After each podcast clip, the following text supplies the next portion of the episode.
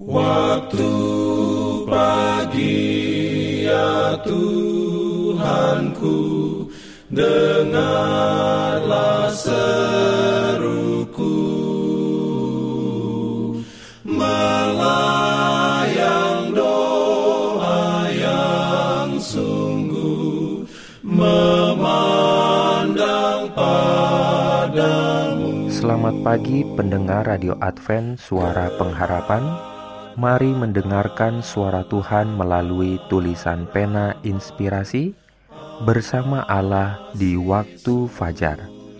Renungan harian 29 Mei dengan judul Dia yang ditinggikan Allah. Ayat inti diambil dari Kisah Para Rasul 5 ayat 31. Firman Tuhan berbunyi, Dialah yang telah ditinggikan oleh Allah sendiri dengan tangan kanannya menjadi pemimpin dan juru selamat, supaya Israel dapat bertobat dan menerima pengampunan dosa.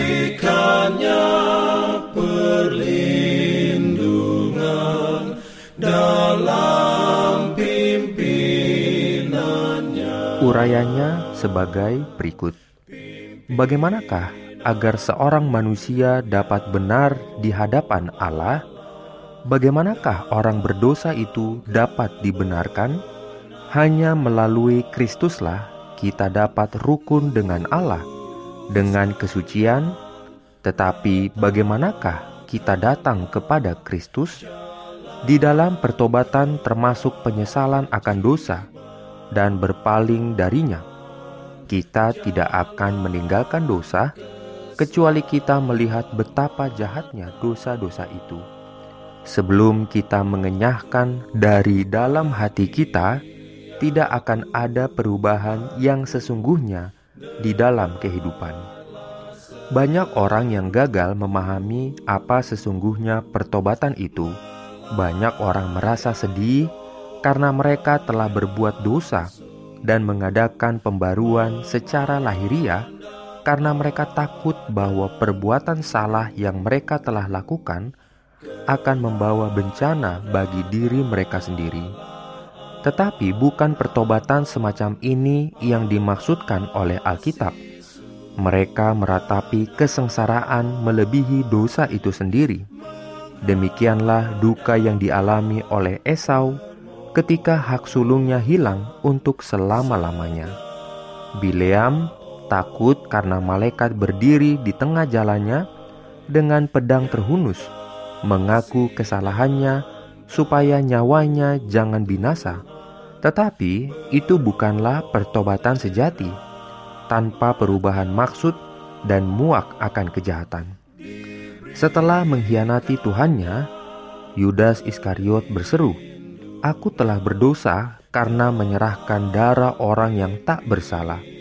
Akibat-akibat yang ditanggungnya memenuhi dirinya dengan perasaan dahsyat, namun tidak berakar dalam dengan hati yang hancur di dalam jiwanya, karena dia telah mengkhianati anak Allah yang tidak bersalah sama sekali.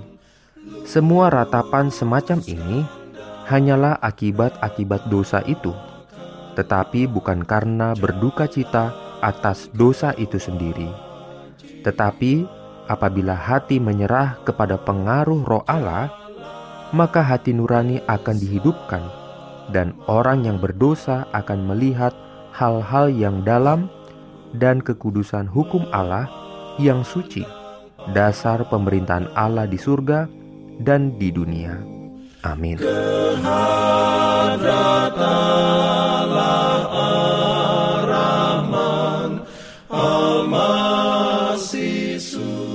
Pendengar yang dikasihi Tuhan, di tahun ke-35 pelayanan AWR Indonesia, kisah dan kesaksian pendengar terkait siaran dan pelayanan audio kami terus-menerus dikompilasi.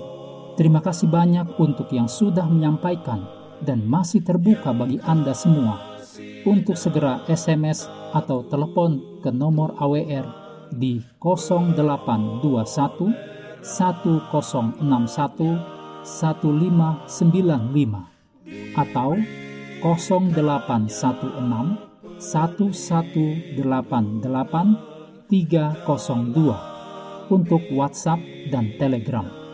Kami tunggu para pendengar dukungan Anda. Pimpin aku ya roh Allah dalam lupa untuk melanjutkan bacaan Alkitab sedunia. Percayalah kepada nabi-nabinya yang untuk hari ini melanjutkan dari buku Bilangan pasal 19. Selamat beraktivitas hari ini. Tuhan memberkati kita semua. jalan keselamatan.